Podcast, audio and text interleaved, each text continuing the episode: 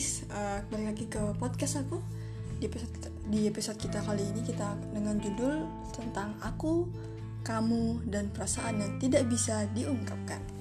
Nah kali ini kita akan bahas topik yang agak berbeda dari topik-topik sebelumnya. Biasanya kita ngomongin tentang hal-hal yang serius tentang kehidupan. Ya sekarang masih ada hubungannya sih sama kehidupan, cuman sekarang topiknya lebih ke yang agak santuy dikit lah ngomongin soal perasaan nah itu kan perasaan tuh ada banyak ya. Kalau nggak kita kalau nggak defini, di didefinisikan atau di uh, spesifikasi ini bakal bakal bakal bingung perasaan yang mana yang diomongin. Ngomongin soal perasaan itu ada banyak dan contoh-contohnya contoh-contohnya bisa kayak perasaan cinta ke orang tua guru teman atau ke teman yang pengen banget dijadiin pacar tapi tapi nggak bisa karena dia udah lebih dulu deket sama orang lain ya itu itu tuh ada. Jadi banyak macamnya perasaan ini nah susah banget sih kalau misalnya ngomongin tentang perasaan nih gimana, gimana kita pengen di mana kita pengen uh, deket sama orang di mana kita pengen kenal sama mereka di mana kita pengen kayak punya status yang lebih sama mereka tapi ternyata mereka udah deketnya sama orang lain dulu tuh susah. Um, dan untuk kendalikan perasaan ini ngomong-ngomong agak susah juga sih kayak soalnya bukan sesuatu yang bisa kayak didefinisikan atau di, diartikan dengan dengan gambar dengan gamblang dengan mudah dan segala macam.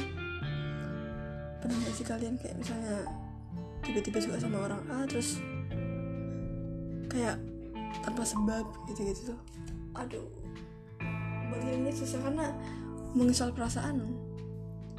Kadang ada yang jatuhnya positif ada yang jatuhnya negatif.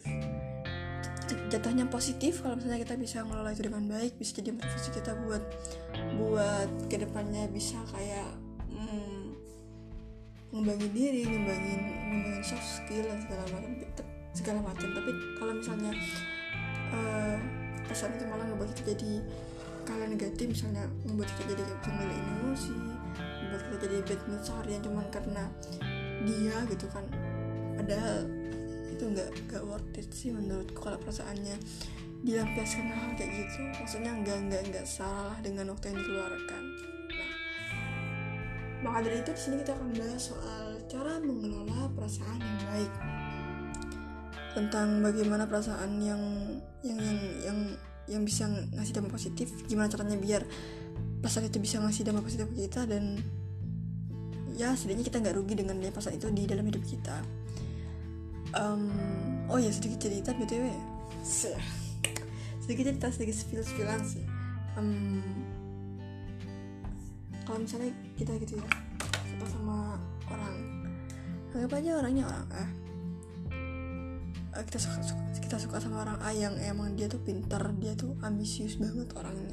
Maksudnya ambisius ini ambisius yang positif ya bukan negatif. Terus orangnya uh, dia terkenal karena kepintarannya prestasinya dan segala macam. Nah biasanya kalau kita suka suka sama orang-orang kayak gitu naksir ke orang-orang kayak gitu akan membuat kita jadi kayak kayak ikut pengen ambis juga kayak ikut pengen ngejar prestasi juga biar biar apa?